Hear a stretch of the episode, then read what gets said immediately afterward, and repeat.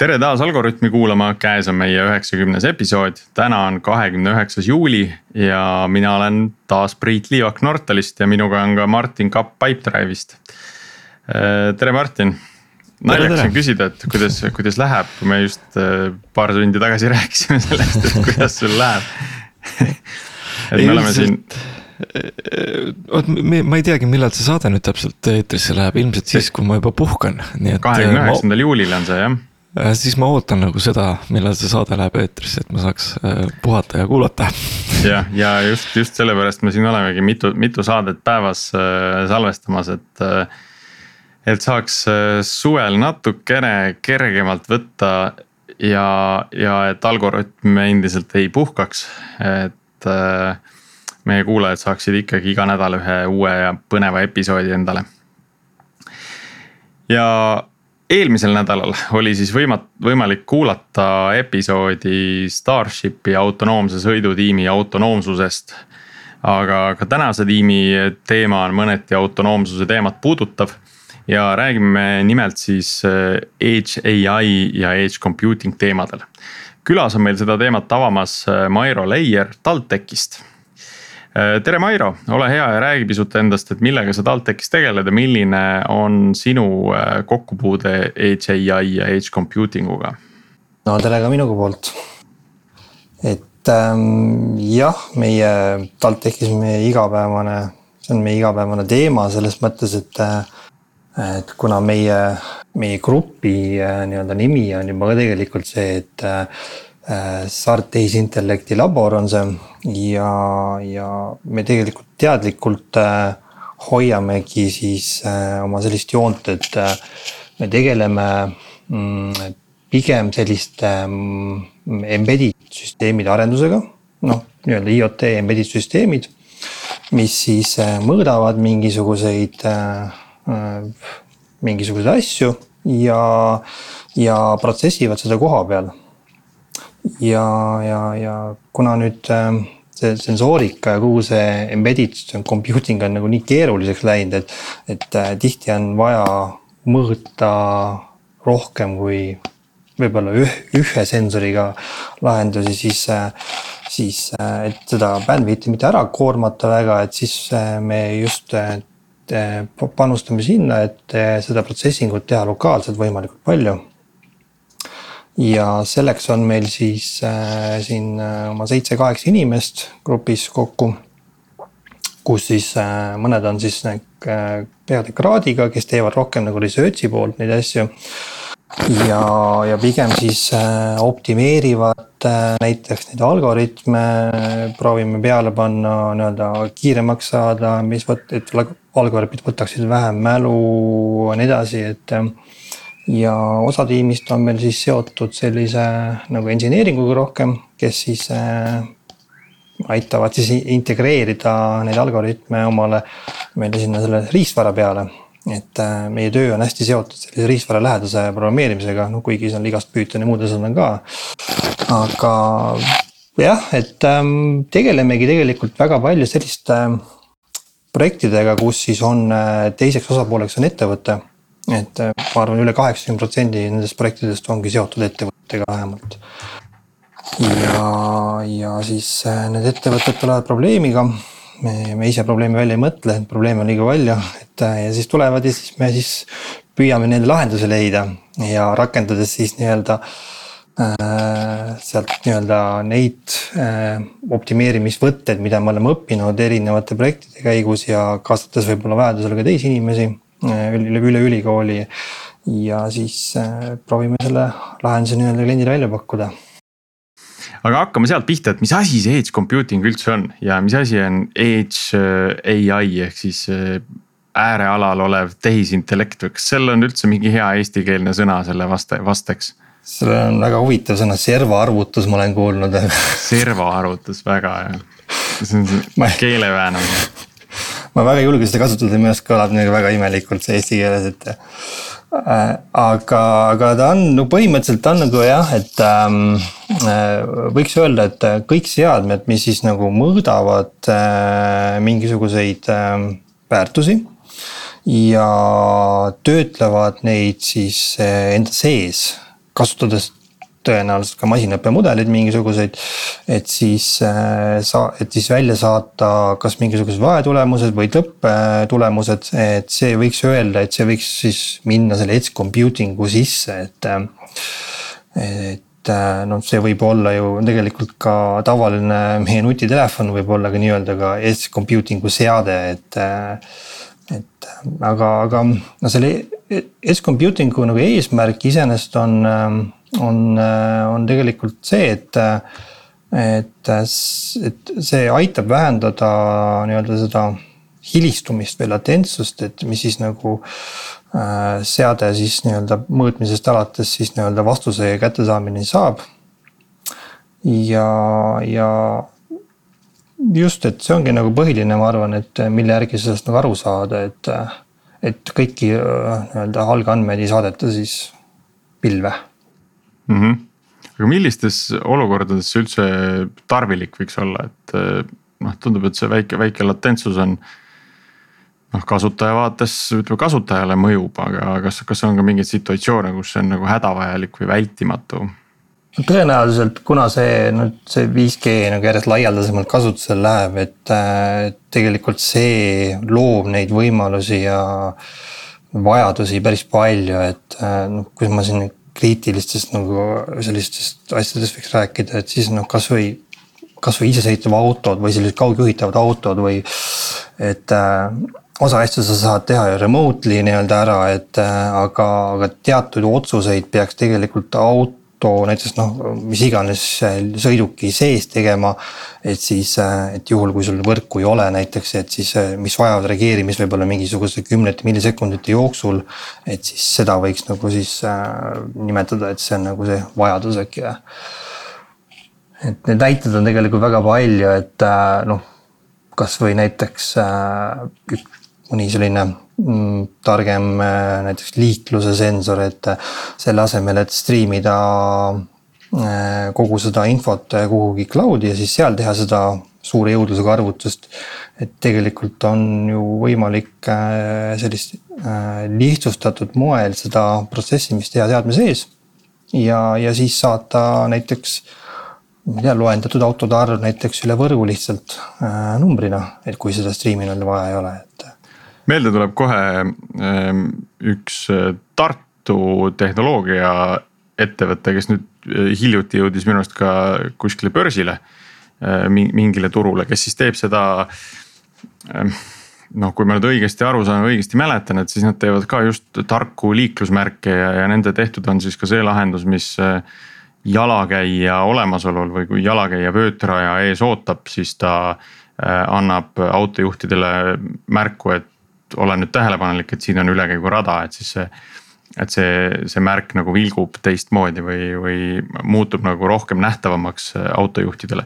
et noh, see tundub selline klassikaline use case, et, et milleks seda kaamera pilti siis äh, stream ida kuskile pilve et sama hästi võiks see märk ise otsustada, et kas seal on nüüd jalakäija seisab või, või ei seisa. ma tegelikult üldse ei tea, mismoodi nad teevad seda, et kas nad teevad seda mingisuguse pilditöötluse või videotöötluse abil või.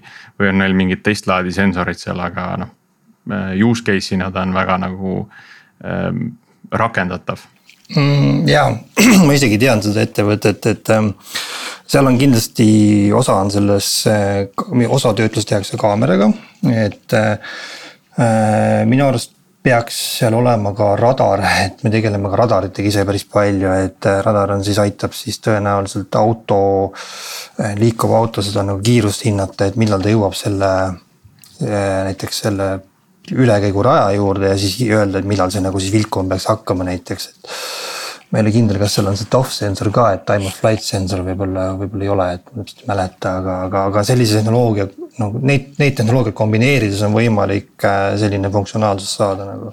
aga, aga sa ütlesid, et, et teete teistele firmadele, eks ole, neid asju, et, et kas. ma ei tea, mis tüüpi need on üldse või mis võiks olla huvitavamad projekt, projektid ja äkki kas ka edge compute'i näited, millega te tegelenud olete siis?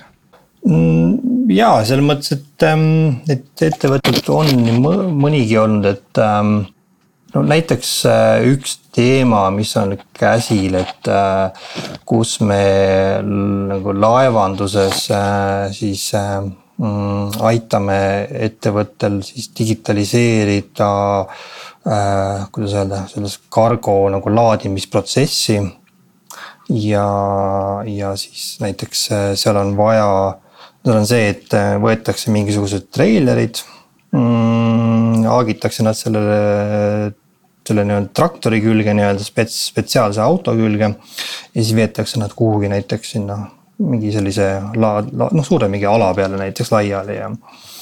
ja, ja noh, pigem probleem on see olnud, et, ähm, et kuna neid asju, neid treilereid asju on nagu sadu ja tuhandeid, et siis need kipuvad ära kaduma keegi täpselt ei tea, kus kohas ta laevas asus või, või kus sellele kliendile kuuluv treiler täpselt asub seal selle nagu selle suure ala peal on ju, et et äh, ja siis äh, teine asi on see, et need laadimisprogrammid, et äh, need on vaja automatiseerida ka, et saaks nagu kiiremini luua ja auto, noh poolautomaatselt luua need juba.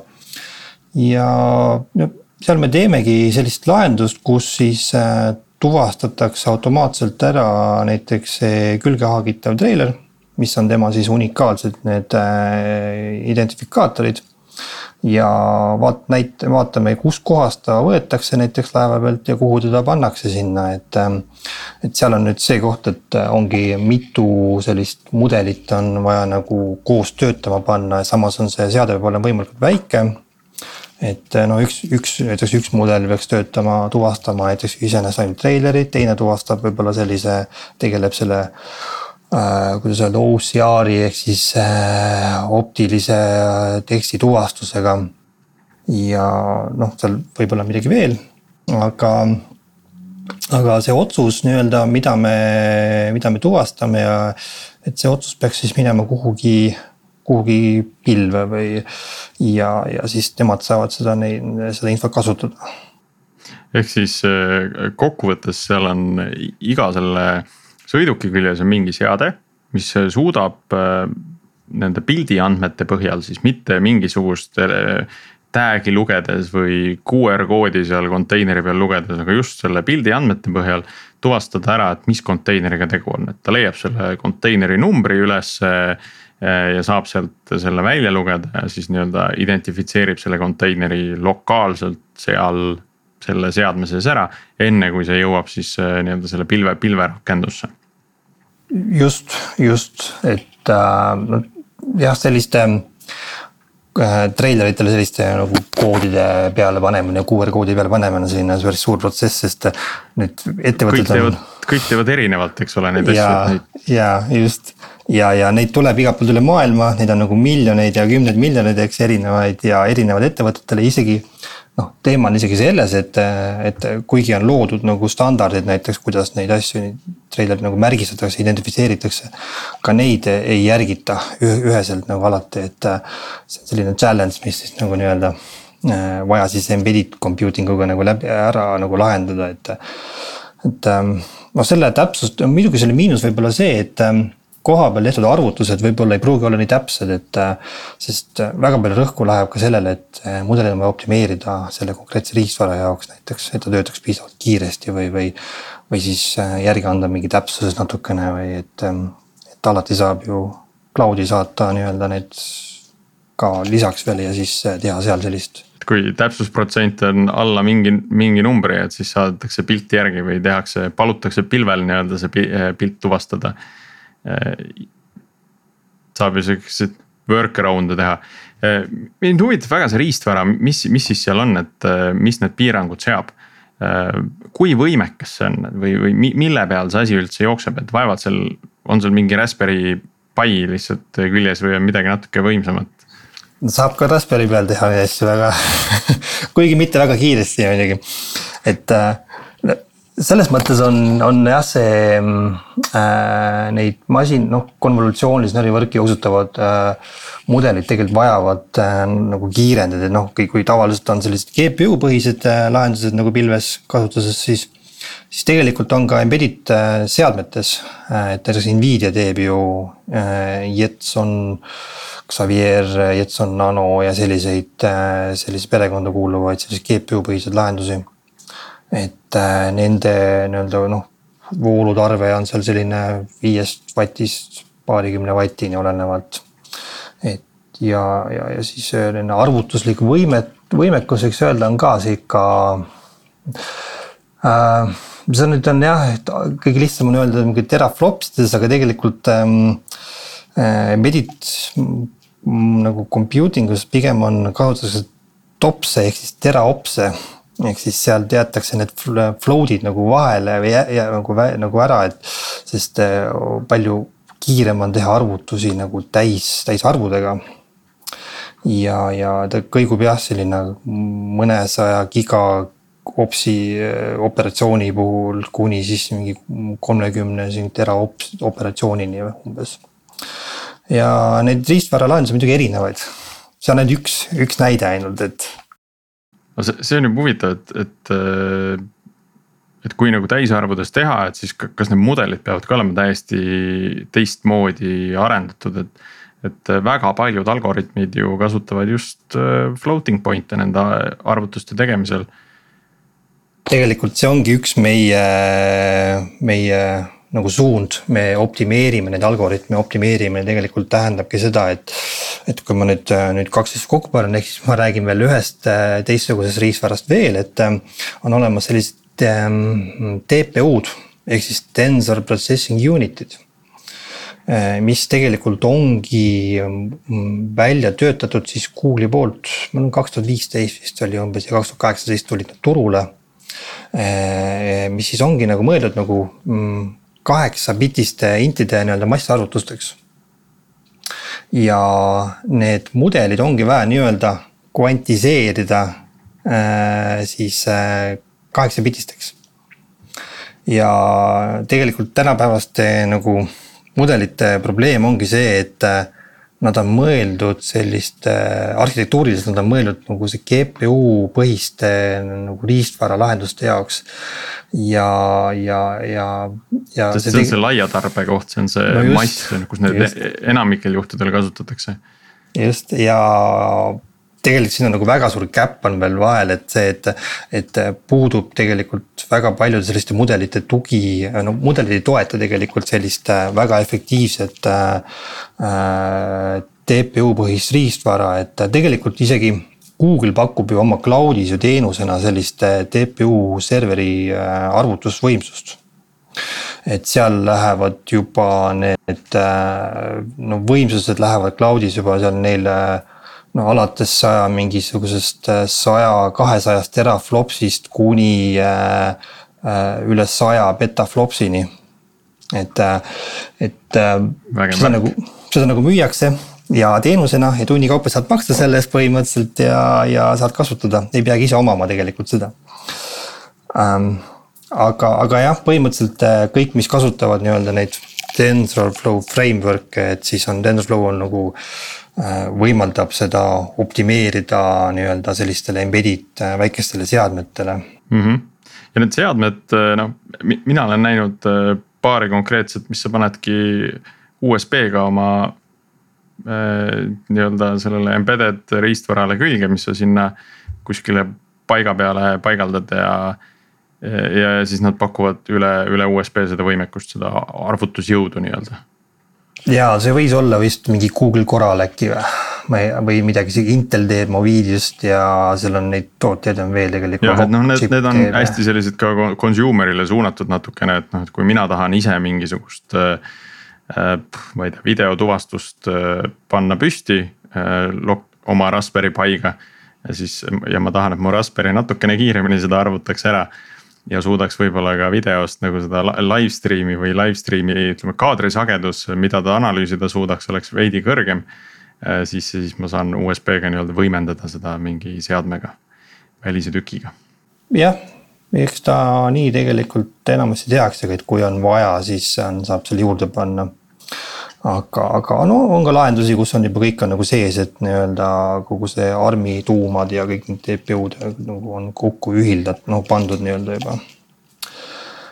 ja te, tegelikult ähm, seda edge computing ut saab teha ka tegelikult, tegelikult selliste mikrokontrolleritega.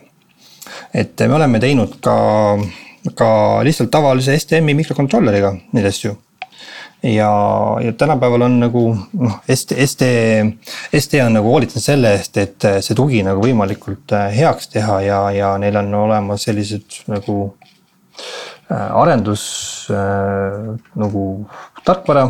see on, see on ühesõnaga mingi standard, mida. ST on tootja, vaata, ST, kes... ST on tootja lihtsalt ja mm -hmm. ta teeb igasugu neid STM mikrokontrollerid, mis siis mm. -hmm mis siis toetavad äh, nii-öelda no ühesõnaga ta, ta ongi tavalisteks sellisteks äh, lihtsaste, lihtsateks äh, arvutusteks mõeldud, aga ta ei ole nagu optimeeritud nagu, nagu masinõppe jaoks on ju mm. -hmm ja aga tänapäevased lahendused võimaldavad tegelikult ka neid olemasolevaid väikeseid masinõppemudeleid juba konvertida sellistele nende kontrollerite jaoks sobivaks ja tegelikult on äh, olemas ka sellised äh, library'd, mis isegi tegelikult, mille, mille abil sa saad tegelikult ise luua neid äh, pisikesi mudeleid juba. et me anname siin sügiseti ühte ainet, kus siis õpetamegi, kuidas masinaõppemudeleid luua mikrokontrollerite peal. ja, ja tudengite ülesanneks on luua nullist äh, Äh, konvolutsiooniline ärivõrk, mis siis tuvastaks äh, teatud asju. ja nad õpivadki nii-öelda nagu nad peavad tegema kõik need arvutused nagu ise läbi niimoodi, et saada aru, et kuidas need arvutused täpselt tehakse. ilma sellest aru saamata on nagu suht võimatu midagi nagu teha nagu. ja see annab nagu väga hea võimaluse aru saada, et kuidas see arhitektuur on nagu üles ehitatud eh, eelmine aasta oli esimene aasta, kui me seda tegime ja, ja, ja tagasiside oli väga positiivne, et see oli esimene koht, kus mõni ütles, et nüüd me saame lõpuks aru, kuidas nad töötavad mm. -hmm.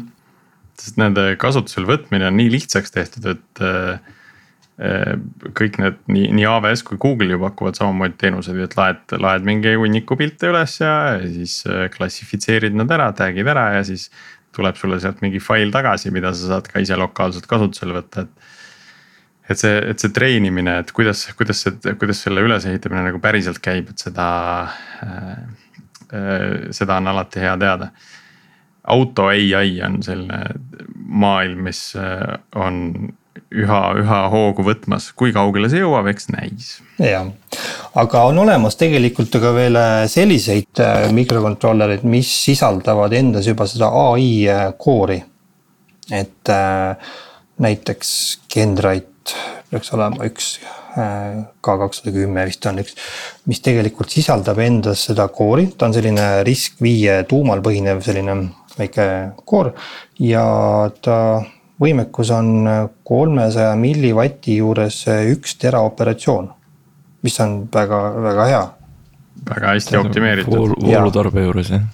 just, just, et ähm, see on nagu selline praegune trend, et äh, kuidas, kuidas need asjad lähevad, et hakkavad äh, ühesõnaga süsteemid hakkavad järjest vähem voolu võtma, et optimeeritakse riistväraliselt nagu väga-väga ära, et.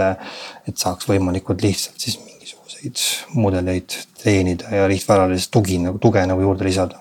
kui me nüüd nendest äh, seadmetest räägime, et mil viisil nende, selles maailmas tarkvara uuendused käivad, et kui sul on nüüd sajal treileril on mingisugune klots peal, mis, mis, kus on kõigis sisuliselt identne masinõppemudel, et kuidas sa siis neid uuendad, et sa ilmselt ei taha käia seal iga masina juures ühendumas manuaalselt ja siis uut, uut faili üles laadimas, et need asjad peavad ikkagi üle võrgu käima. ja et ähm, tavaliselt sellistele seadmetele, noh üks, üks asi on see, et need, need tegelikult need seadmed ju on tihti ka sellisel noh, patareitoitel, et noh, mõnel juhul on, mõnel juhul mitte, et. ja see seob, see loob nagu päris suured piirangud, et kuidas neid tarkvara üldse on võimalik uuendada, et. kui me räägime näiteks patareitoitel seadmetest, siis ka nendel on sellised mudelid vahel sisse võimalik nagu paneme ja aga sellisel juhul on see juba see võrgu interface on, ei ole enam see LTE, vaid me kasutame näiteks NB-IoT-d või LTE TE kätte M1. mis on siis natukene paar korda kiirem kui see NB-IoT võrk, et nad mõlemad kõik töötavad siis LTE nagu sagedusribas. ja aga nende noh, selline mm, kiirus jääb sellise võib-olla mingi sihukese circa saja kilobaidini sekundis, et. ja, ja. siis võtab nende... pisut aega see uuendamine ka no just, et äh, esiteks on see, et see, see võtab aega, teiseks on see, et sa ei saa seda ühendust kogu aeg sees hoida, et äh, sa peaksid nagu kasutama võib-olla mingi sellist noh, ma ei tea, mingi MQTT-d, et subscribe ima võib-olla aeg-ajalt sinna topikusse vaatama, kas midagi on tulemas ja siis nagu nii-öelda. väga targalt neid, äh, neid kommunikatsioonilahendusi looma, et, et mitte nagu asjatult nagu energiat kulutada ja tegelikult siis ongi, et äh, see uus firmware ju noh, tõmmatakse üle võrgu sealt vaikselt alla. ta võib võtta seal mingi kümme minutit või rohkemgi aega ja võib-olla tehakse seda kord ka kaks päevas üldse kontrollitakse. ja, ja tihti on sellistes seadmetes ikka nagu selline äh, nagu kaks või kolm sellist flash'i ala, kus siis nagu hoitakse varasemaid versioone ja käib see uuendus automaatselt nii-öelda, et, et midagi nagu juhtuks, et. et see on selline jah äh,, tavaline praktika, kuidas neid asju tehakse et ühesõnaga, kui upgrade fail ib, et vähemalt back-up'id on olemas ja need meetodid tegelikult ongi nagu erinevad, et no vahel hoitakse näiteks stock firmware'i hoitakse seal kusagil mingis osas on ju. alati hoitakse tõenäoliselt eelmist juba soft'i, et kui siis üks nagu fail ib, siis ta läheb automaatselt tagasi, et ei kasutaja sellest võib-olla väga aru ei saagi. et see on nagu jah, tavaline. aga, aga kui nüüd mingi mudel ei tööta nagu, et ega ta, ega me noh, mudelit nagu otseselt nagu eraldi ei saadetagi, et äh, pigem mudel on, äh, mudel nagu seotakse selle tarkvaraga nagu ära, et ähm, ta ongi selline, tihti on mudel selline. üks üksus nii-öelda. no just, et äh, ta on nagu jah, et ma arvan, see on üks kõige tava, tavalisem praktika, kuidas me teeme. ei, see on üldse selline noh, nagu sihuke teema, millega nagu võib-olla iga, igapäevaselt nagu sa ei saa arugi, kas sa puutud sellega kokku või ei puutu sellega kokku, et näed. et, et, et kui mina, kes ei puutu kokku võib-olla füüsilise riistvaraga nii palju, et, et, et siis järsku nagu tunnen, et võib-olla keegi teine arendaja samamoodi, et nagu mis maailmas veel toimub, et oh, et kus veel arvutusi tehakse, eks ole, niimoodi. aga, aga tegelikult mul vahepeal tuli see küsimus, et noh, et okei okay,, juba tõime sisse ülikooli õpilased ja tudengid mis ma üldse peaks tegema, et sihukest asja õppida? nagu kas ma pean, piisab, kui ma juba lähen nagu bakalaureust õppima või pean ma olema mingi doktoriala peal, et sinnani jõuda või. või et millal see üldse sisse tuuakse, et see on küllalt sihuke noh, võib öelda üsna keeruline teema jah, me, me tegelikult anname seda ainet, anname alles magistrantidele, et ähm, päris bakalaureusele veel ei saa, sest äh, seal on eeldused on, et ikkagi, et sees peaks oskama ikkagi programmeerida, siis oleks hea, kui ikkagi ennem oleks mingisugused, mingisugust mikrokontrollerit ikka programmeerinud ka, et, et muidu läheb keeruliseks, et kogu selle arhitektuuri õppimine, et. ja, ja, ja kindlasti läheb noh, Pythonit vaja. Ehm, ja tõenäoliselt ma usun, et nende oskustega võiks juba midagi saada teha, aru, et noh, kuidas seda midagi ära teha, sest äh,. Need, kes tulevad jah seda õppima, ega nad väga ei ole võib-olla tihti kokku puutunud nende masinaõppemudelite arhitektuuridega, kuna see maailm on nagu nii kiriv ja see täieneb nagu nii kiiresti, et. pigem me võib-olla räägimegi läbi äh, need erinevad arhitektuurid, aga me ka peame keskenduma tegelikult ainult ühele kindlale nagu alale, et äh, näiteks kui me teeme videotöötlusega mingisugust äh,, mingisugust tuvastust, et me siis keskendume näiteks selle konvolutsiooniliste energiavõrkudele, mitte me ei räägi sellest äh, teistest mudelitest väga eriti, sest äh, muidu oleks vaja need ained kohe eraldi, ma ei tea, eraldi kursust teha sellest kohe.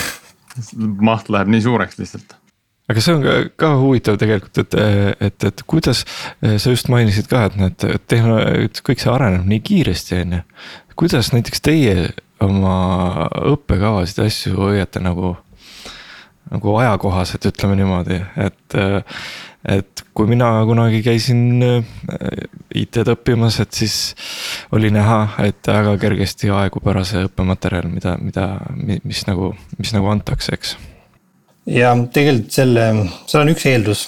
Mm, meie selle nagu selle teadusgrupi fookus ongi äh, igapäevaselt ka nende samade projektidega tegeleda, mida me õpetame, et me siis põhimõtteliselt. me õpetame seda, millega me tegeleme igapäevaselt ja kõik, rohkem polegi vaja et äh, ei saa laid lasta fookust nagu laiali, sest äh, muidu ise ei suuda enam järgi pidada, et, äh, et ähm,. Teil on, teil on see eelis ka, et ettevõtted tulevadki oma probleemidega ja siis te saate neid asju nii-öelda värskete tehnoloogiate peal lahendada ja, ja läbi selle siis ka tekib see teadmine, et mis, mis parasjagu on aktuaalne selles valdkonnas. ja, et äh, juba noh, ülikooli juba see nagu töömetoodika võib-olla natuke, noh natukene erineb selles mõttes tõesti, et. siin on võib-olla rohkem vabadust ja võimalusi äh, testida uusi tehnoloogiaid ja noh, kasvõi näiteks, et kui ise ei jõua siis äh, tihti on tegelikult tudengid on väga motiveeritud, et äh, nad saavad nagu mingisuguse uue, mingisuguse riistvara kätte, mida sa isegi võib-olla pole veel nagu aru saanud, et mida see, kuidas see täpselt toimib, et. ja siis tuleb selle tudengi ja vaatab sulle säravate silmadega vastu, ütles no loomulikult võta see ja proovi ära, et.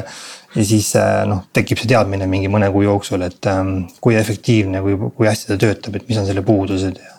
Ja seda teadmist saab ju tegelikult juba järgmises projektis juba kasutama hakata. mulle on äh, jäänud mulje äh, selline, kui, kui nüüd vaadata nagu ajas tagasi natukene et, et siin vahepeal on toimunud selline liikumine just selle äärealalt pilve ja, ja nüüd siis justkui tullakse sealt pilvest natuke nagu tagasi. et kuidas sina seda näed, kui sa oled selles, selles teemas nagu rohkem, et kas see minu selline taju on nagu peab paika või, või no kui me võtamegi, ma ei tea, viimased. Viimased kümme aastat, et noh, kas, kas selliseid nagu edge'i asju, nagu sa rääkisid, selline lahendus treileritele noh, et see, kas see on kogu aeg olemas olnud, lihtsalt kunagi tehti seda teistmoodi, teiste meetoditega või või siis nüüd päriselt on, on neid hakanud rohkem tulema? pigem on ikkagi rohkem ja, sest äh, juba, juba riistvaratootjad või need noh, kes need, kes teevad mikrokontrollerid ja protsessorid. tegelikult äh, ma kujutan ette, et varsti on pea igas äh, sellises mikroskeemis mingisugune osa sees, mis on siis optimeeritud just masinõppe jaoks. et äh, kõikvõimalikke mm, asju püütakse lahendada järjest rohkem masinaõppe abil. et äh, ka sellised, mis on nagu mõeldud väikestele seadmetele, et see on minu jaoks nagu huvitav, et varast, varem nagu me tegelesime rohkem nagu signaalitöötlusega, et. et aga nüüd on nagu see masinaõpe nagu, nagu võlusõna, et ah, võtame selle ja, ja kõik ongi nagu tulebki hästi. aga seal taga on nagu meeletult tööd ja andmete kogumist, et, et ja ma arvan, et eh, no see lihtsalt on nagu kuidagi nagu paratamatu, et see nagu liigub jah, et rohkem andmeid äh,. võib-olla ei saadeta enam nii palju pilve võib-olla, et äh, järjest rohkem, ma arvan küll, sest äh, noh, kui juba mingi tavaline näiteks võtta, ostad selle turvakaamera, siis isegi, isegi kaamera sees on juba näiteks mingisugused näotuvastused ja mitte noh, võib-olla kas näotuvastused, igasuguseid erinevaid tuvastusi, see tähendab seda, et. siis juba seal rees on juba selline masinaõppe nagu selline osa olemas, et. ja see tundub, et olevat uus normaalsus, et, et sul on võimalus kõiki asju pilvi saata, aga samas sa ei pea, et see on nagu turvalisuse mõttes on ka nagu väga minu arust oluline, et kas ikka peab saatma kõiki asju aga samas vaadates tehnoloogia arengut, ma arvan, Priit su nagu taju ei olegi väga mööda, sest et eks ole, tehnoloogia areneb, läheb kiiremaks ja väiksemaks. Läheb vorm ka, eks ole, et kui mõned aastad tagasi võib-olla see väike seade, seal ei olekski olnud seda arvutusvõimsust, eks ole ja siis sa saatsidki pilve, kus oli see arvutusvõimsus, mis sest, et nagu see vajas tohutu hulk masinaid aga siis nüüd on tõesti, et need väiksed seadmed on ka läinud palju võimsamaks, sa ei pea enam saatma ja siis ei olegi mõtet. On... siin on üks asi tegelikult veel isegi, et äh, kui äh,, kui see nüüd esimesed nagu mudelid nagu välja tulid, masinate mudelid, siis äh, siis äh, need olid hästi suured, nad nõudsid, tegelikult nõudsid hästi palju arvutusi, tegelikult ka praegu on selliseid hästi suuri, hästi palju. aga, aga nüüd on nagu suudetud äh, seda osa nagu optimeerida, et äh,, et neid võrgu arhitektuuri mõttes neid on nagu natuke nagu väiksemaks muutunud ja nad on nagu efektiivsemaks muutunud et see võimaldab neid rakendada ka erinevatel siis sellistel embedded seadmetel. mida varem ei olnud võimalik nagu teha, et tegelikult kaks asja ongi see. tehnoloogia poolt on nagu kiiremaks asjad läinud ja siis on nagu tarkvara poolt nagu optimeeri- op,, rohkem optimaalseks läinud, et äh, see võimaldabki neid asju nagu tõesti teha niimoodi, nagu praegu on. ja ma arvan, et see on alles äh, algus, et reaalsuses see asi äh, läheb veel, sest noh, praegu vaadates nende arvutusmahte, mida nagu iga iga selline otsus näeb nagu, et see on tegelikult päris, päris suur, et äh, ma usun, et seda saab veel optimeerida päris palju. et äh, luuakse tõenäoliselt täiesti uusi arhitektuure äh, selle jaoks jah, et, et sellel pilve tasemel tuleb, trügib kvanti järjest rohkem peale. Loodetavasti see siis kunagi leiab ka mingisuguse õigustatud rakenduse. ja siis ja siis osa, osa asju kolib Edge'i peale servaarvutustele üle ja siis ja siis olemasolev pilv jääb natuke nagu selliseks äh, tavatarbekaubaks. et äh, huvitavad liikumised. jah, isegi ma olen vaadanud, et ju tegelikult Amazon oma, oma, oma teenustes tegelikult pakub ju ka äh, midagi juba sinna, et need IoT ja masinaõppe äh, lahendused, ma väga ei ole süvenenud sinna veel, aga tundub, et noh, ka need, need toed on järjest nagu lisandumas erinevatele sellistele teenusepakkujatele. vot nüüd sa puudutasid ühte väga huvitavat teemat, et kui sinna, kui sa seda IoT-d nimetasid, siis, siis minul tuli kohe äh, pähe, et, et, et kui sul ongi hunnik neid seadmeid kuskil on the field nii-öelda põllu peal väljas. siis sul on vaja kuskil ka mingisugust äh, registrit, mingisugust ähm, noh, kuidas öelda siis arhiivi selle kohta, et mis seadmed sul on, mis versioonidel nad on. mingid kesksed gateway'd pilves, mille kaudu nad siis suhtlevad. millised, millised tehnoloogiad sageli seal kasutusel on või mis, mis täna seal nii-öelda kuum maailm on, et noh, MQTT protokollina sa mainisid. Äh, äh, on ka mingeid vabavaralisi asju, mida näiteks äh, tasub kindlasti vaadata, kui, kui mõelda, et tahaks nüüd mingisugust device gateway'd püsti endale panna neid uh,. jah, need on tegelikult ega me nagu noh, liiga palju sinna nagu pilve ei ole trüginud, me kasutame võimalikult palju selliseid standardseid nagu võimalusi, et äh, täiesti sõltub tegelikult lahendusest kliendist, et on, on kliente, kes siis soovivad näiteks Amazoni AWS-i ja IoT Core on see asi, mis võib-olla on piisav nende jaoks. et siis äh,. sellega on hästi lihtne alustada kindlasti. just, just, et saata sinna andmed ära ja kuhugi baasi ja ja, ja, ja ongi kõik, et seal rohkem polegi vaja teha midagi ja noh, on teisel, teistel juhtudel jälle on see, et ähm, no ega tegelikult ähm, noh, selline nagu andmete saatmise mõttes ähm, ega noh üks efektiivne asi ongi tegelikult MQTT ja oma, oma selle MQTT broker'i saab nii-öelda igaüks üles panna, kes tahab koju, et. et see on, see on võib-olla, võib-olla kõige lihtsam võimalus, kuidas hakata võib-olla mingi oma seadmel äh, midagi, äh, midagi nagu vastu võtma, mis saadab sulle, et noh, Mosquito server ülesse ja, ja kõik töötabki peaaegu juba peaaegu. aga kas sinna üsna kiiresti tekib peale see vajadus, et tahaks kuidagi täiendavat turvalisust või tahaks ülevaadet, et millised seadmed mul üldse asju saadavad ja ühenduvad. Ehm, et see on nii-öelda metaandmete pool. noh, ma saan aru, et eh, need lahendused, millega, millega sina tegeled, et seal noh, seal need on nii-öelda see baastase, et ilma nendeta tegelikult ei saagi ju.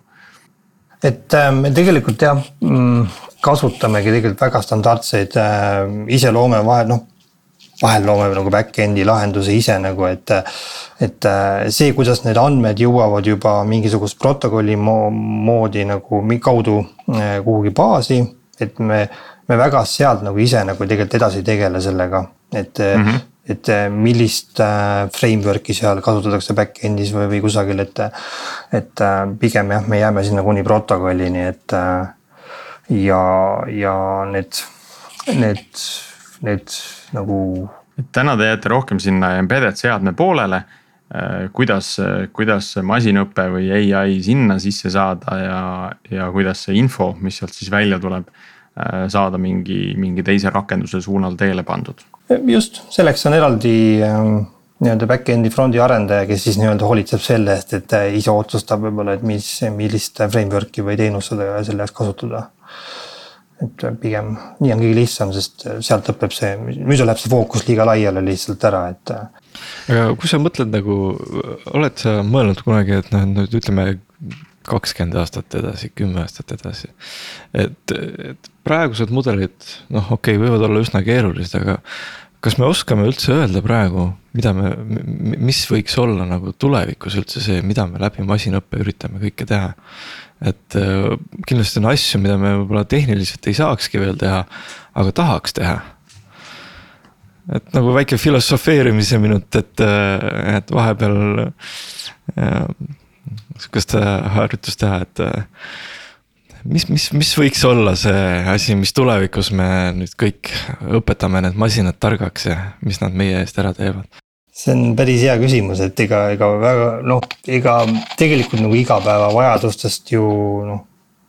meil tuleb ju tegelikult päris palju asju välja, et, et kui noh, ma ei tea, kasvõi kodus olles on ju, et me püüame siin igasugu tarkasid maju ja asju teha, et et no tegelikult on nad ikka suhteliselt veel algelised veel. Ikka päris palju konfigureerima ja, ja, ja et pigem on see, et äh, need süsteemid tõenäoliselt äh, vajaksid äh, pigem tulevikus vähem treenimist, et nad, nad automaatselt õpivad. see oleks nagu päris huvitav, et kui ühel hetkel tuppa tulles tuli läheb ise põlema, sellepärast et see kodu õppis ära, et ma iga kord, kui ma siia tuppa tulen, panen tule põlema, see võib nagu päris selline creepy tunne olla, et oot, mis nüüd juhtus. Ja siis, siis saad aru, et, et kuskil tuleb mingi teade, et sorry, et ma nüüd õppisin ära, et äh, sa nüüd rohkem ei pea tuld põlema panema. Äh, aga noh, see võib alguses väga hirmutav olla, et mul on äkitselt tuleb mingi Rimi kuller, sõiman näo täis, mis ma pole midagi tellinud tegelikult öeldakse, et äh, näed, et kuna sa kogu aeg neljapäeviti tellid, me tegime siis tellimuse ära vastavalt sellele, mis sa tavaliselt võtad ja mis sul külmkapis oli või puudu oli no just, et äh, noh, see külmkapi teema on ju tegelikult ju aktuaalne iga päev, et kui sa hommikul et sul, ma ei tea, piima või leiba ei ole, et siis, siis külmik võiks ju ise nagu ära tellida selle asemel ja et mul eelmine päev juba, et mul hommikul kõik olemas oleks selle jaoks Mhm, ja täna need teenused muutuvad üha küpsemaks. Minu enda jaoks see tundub nagu hästi hirmutav, et kui me räägime just äh, edge ai-st. Ähm, et, et siis nii-öelda ühte Skyneti kinni panna on nagu hoopis lihtsam, aga kui nüüd äh, neid seadmeid on tuhandeid ja tuhandeid, mis nagu hirmus targaks muutuvad. no ma saan väga selgelt aru, et me oleme hästi kaugel sellest aga kui seda kauget tulevikku vaadata, et äh, siis ma võib-olla natuke eelistaks rohkem sellist ühte Skyneti kui nagu tuhandet tegelikult see on päris hirmus ja et noh, siin on juba esimesed ju sellised uudised on tulnud, kuidas äh, ründedroonidega on ju nagu rünnatud ju olulisi, olulisi inimesi ja, ja noh. ja on nad kahjutuks tehtud, et, et see on noh, see on üks selline side effect, mis tekib võib-olla sellega seoses, et. et need on väga keeruline kinni panna, et ja tegelikult ju see õpetamise protsess ka, eks ole, et kui nad õpivad ise, noh nagu inimesed võivad teha õppides vigu aga kui keegi ei ütle talle, et sa õppisid vale asja nüüd selgeks, on ju. et, et mis, kuidas see võib kõik eskaleeruda või sealt edasi nagu minna, et, et sihuke päris huvitav teema, et noh. ja kusjuures ähm, tehakse ju ka juba katseid sellega, et ähm, kui inimene näiteks näidata inimesele mingisugust pilti. ja öelda, et see on, äh, ma ei tea, see on nagu enne pole kunagi näiteks näinud zebra. ja öelda, et näed, see on zebra, see on triipudega siis järgmine kord näitab pilti talle, inimene saab aru, et see on zebra juba. aga, aga praegu peab äh, ütlema sellele mudelile nagu sadu ja tuhandeid kordi, et näed, see on ikka veel zebra aga, aga, aga teoreetiliselt tegelikult tehakse juba katset, kus siis no näitad ühe korra pilti ja ta saab aru sellest, järgmine kord ütleb õige, õigesti selle tulemuse juba. ja, ja isegi minnakse nii kaugele. kiire õppimine. just, et ähm, isegi minnakse nii kaugele, et ähm, kombineeritakse see zebra võib-olla mingisuguse ninasarvikuga et sul on küll mingi servatriibud, aga sul on ninasarviku sarv ka veel juures, on ju. ja siis ta nagu, sa näitad nagu ühe pildiga nagu, nagu kahte asja nagu, et sa õpetad nagu mudeli nagu hästi väikeste nagu selliste treeningandmetega tundma äh, erinevaid asju me oleme kunagi vist äh, mingisuguses turvalisuse episoodis rääkinud, kuidas tehakse neid nägude mash, mash-up'e, mash-up'e. et siis pannakse justkui kaks, kaks pilti kokku ja, ja masinõppe algoritmi jaoks või siis selle näotuvastuse jaoks. ta on justkui identifitseeritav kahe isikuna või siis selle teise isikuna, kes ma tegelikult ei ole, sellepärast et mingisugused featuurid on sellest sinna pildile nii-öelda kokku pandud, et inimene vaatab peale, ei saagi aru, on ikka minu nägu. aga kui masinale näitan, siis masin ütleb, et ma olen Mairo, noh et äh, jah, jah, ma usun, et see on üks, üks, üks suund, mida, kuhu vaikselt liigutakse, et äh,.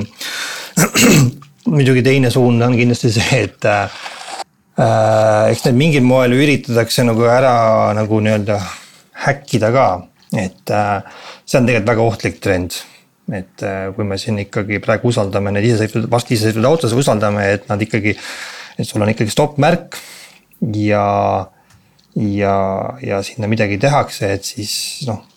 et sellega võib nagu halbu asju juhtuda, et, et kui praegu näiteks panna, ma ei tea, õunale peale näiteks mingi stikker on ju, et see on õun, on ju või see, see on banaan, mhm. on ju, et siis ja. tegelikult ega ta ei tunne enam varsti ära seda õuna enam et äh, selles mõttes on väga lihtne lollitada neid mudeleid äh, praegu tegelikult.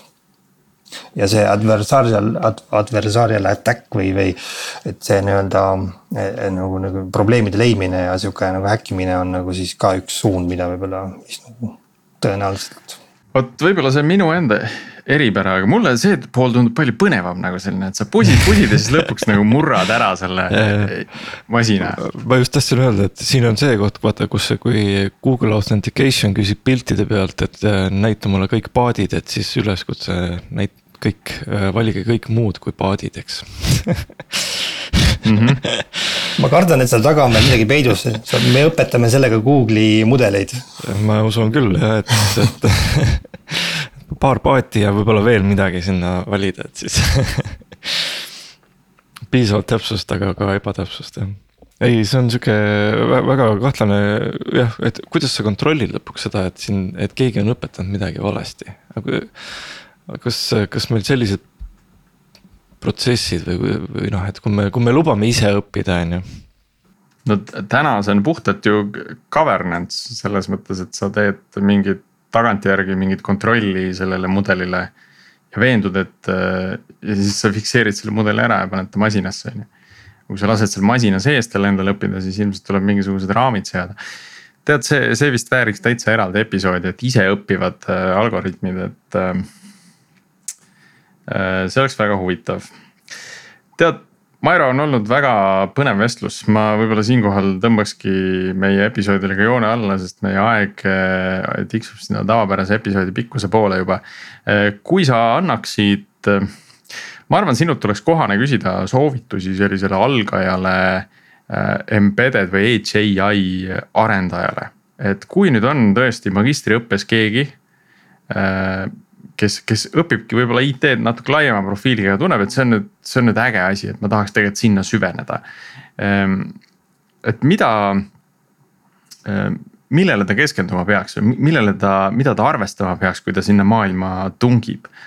et, et võib-olla see arvestamise pool, natuke see ootuste juhtimine ka noh, et inimesed lähevad ikkagi sageli mingisse rolli selgete ootustega, et oo, ma saan nüüd ägedaid masinõppemudeleid teha ja siis jõuavad kohale, avastavad, et äh, tegelikult äh, pilt ei olegi nii roosiline, et. jah, meil on nagu selles mõttes on, meil on nagu hea nagu, nagu, nagu selline track record sellega, et äh, meil on nagu käinud siin, no me anname pidevalt nagu task'e või ülesandeid anname nagu tudengitele ka, on ju ja on olnud ka juhtumeid päris palju, kus rõõmsa näoga tullakse ja nädala või kahe pärast tullakse tagasi, ütled.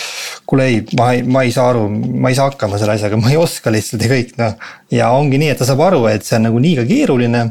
ja, aga ongi see, et äh, kui sa võtad nagu selle embedded äh, nagu controller'ite osa, siis sul on vaja osata mingit natukene programmeerimiskeel ka. ja selle masinaõppe nagu mudelite nagu sellest kogu sellest arhitektuuridest ja kõigest sellest arusaamine. noh, võtab selline, ma arvan, et kolm kuni kuus kuud, et sa saad, siis hakkad aru saama, mida sa üldse teed ja, ja kuidas asi üldse jookseb, et. et äh, ma arvan, et see on üks keerukamaid asju, et kuidas, äh, et aru saada sellest masinaõppe poolest ja kuidas sa selle embedded osaga nagu seda siduda saaksid, et. et ähm, ma arvan, et sihuke pool aastat õppimist võiks olla selle jooksul julgelt nagu, et ennem ma ei usu, et et ei, ei tasu nagu enda ootusi hästi kõrgeks ajada, et ma nüüd hakkan tegelema ja siis kohe hakkavad tulemused tulema, et see, see on, see on valdkond, kus läheb aega. ja isegi kui tulemused tulevad, siis tõenäoliselt äh, need tulemused on suhteliselt kehvad alguses, sest siis sa ei saa aru, kuidas see mudelite treenimine õigesti käib. see treenimisel on ka, me oleme ka nii palju ämbreid läbi kolistanud sellega, et, äh, et nagu head asja saada, eriti just, äh, et kui sul muidu töötab mudel hästi ja siis sa paned ta nagu selle controller'i peale, vaatad, kõik on nii katki, kui vähegi saab. siis on see koht, et sa pead aru saama täpselt, et mida sa tegid, miks sa tegid, mis mingisugune kvantiseerimine tähendab. et äh, see võtab järgmised mingi kuu, kuid aega, et saada aru, et äh, miks need protsessid niimoodi käivad seal sees et ühesõnaga julgutada, julgustada neid, kes on nagu plaaninud seda ette võtma, et siis ärge laske ennast heidutada, kui, kui kuu ajaga ei ole midagi nagu veel väga-väga tulemuslikku, eks ole, et see ongi keeruline teema, eks ole. ja, ja, ja siis väike äkki reklaam koolile ka, et kuidas, kus ma seda, mis ma tegema pean, et seda õppima tulla no meie, meie õpetame seda arvutisüsteemide instituudis siin äh, ja, ja tegelikult saab ju noh, kui on üldse nagu huvi äh, ei ole tudeng juba näiteks, et on nagu tahaksid nagu katsetada mõne, mõne reaalse ülesandega siis, äh, siis saab ju tööl tulla ju noh, minu nime järgi leiab kindlasti üles, et äh, Embedded AI Research Lab on meil nimeks ja. ja me saame kindlasti anda mõne põneva ülesande, mida saab ju rakendada ja katsetada, et äh, kas siis mõne konkreetse ettevõtte projektiga seoses või, või lihtsalt mida uurida ja. meil on siin inimesi, kes aitavad, oskavad nagu aidata ka, kui, kui nagu rajalt maha natuke jooksed, et. mida proovida ja selles mõttes on meil kogemust piisavalt aga aitäh, Mairo tulemast oli eh, taas väga huvitav episood. Eh, tänud ka meie kuulajatele. ja kutsume endiselt, igas episoodis me kutsume üles uusi teemasid soovitama. Eh, sest nii, nii me jõuame täpselt selle sisuni, mida meie kuulajad meilt ootavad. kui me siin ise mõtleme välja ja leiutame, et siis me, siis me saame sellise podcast'i, mida me ise kuulaks, et see on see on ka hea, aga siis on neid kuulajaid võib-olla mõnevõrra vähem, kui tahaks. Eh, jääme kuulmiseni järgmisel nädalal, eh, Algorütm ei puhka. Saate terve oma suvepuhkuse meid kuulata, kuulmiseni